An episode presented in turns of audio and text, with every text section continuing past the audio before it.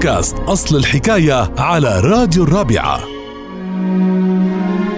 أصل الحكاية لليوم عن مثل بينقال عن الأشخاص الطميعين اللي بيقولوا عنهم أكلوا البيضة والتقشيرة يعني ما خلوا شي.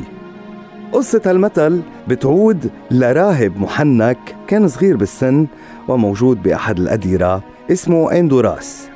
هالراهب لجأ لحيلة خلال أيام الصوم فكان بخبي كل شي بتوصل له إيده من بيض وبياكله بالسر وخلسة عن رفاقه.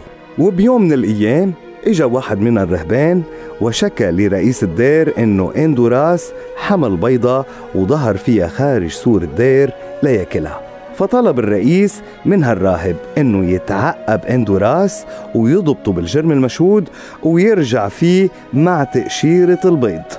وهيدا اللي صار بالفعل. راح الراهب ولكنه رجع بسرعة بعد دقائق وقال له يا سيدنا الأخ أندوراس أكل البيضة والتقشيرة مشان ما يترك دليل عليه. فغضب رئيس الدير واستدعى أندوراس ودعاه إلى الاعتراف وأدخله وقعدوا على كرسي الاعتراف وسأله شو كنت عم تعمل من ربع ساعة ورا سور الدير؟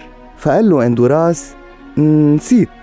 فصرخ عليه رئيس الدير وقال له ممكن تنسى بهالسرعة شو كنت عم تعمل من ربع ساعة؟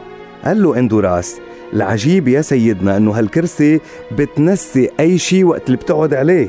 وإذا مش مصدقني جرب أنت عود وخليني أنا أسألك. فوافق رئيس الدير وقعد على الكرسي. فبادروا إندوراس وقال له يا أبونا شو كنت عم تطلب من حسنا يوم امبارح؟ فنهض أبونا وانتفض وقال له معك حق يا ابني الكرسي بتنسي. وهيك طلع مثل أكل البيضة والتقشيرة عن معنى غير اللي منقصده بأيامنا الحالية. لتتعرفوا على مزيد من أصل حكايات الأمثال تابعونا على بودكاست الرابعة أصل الحكاية.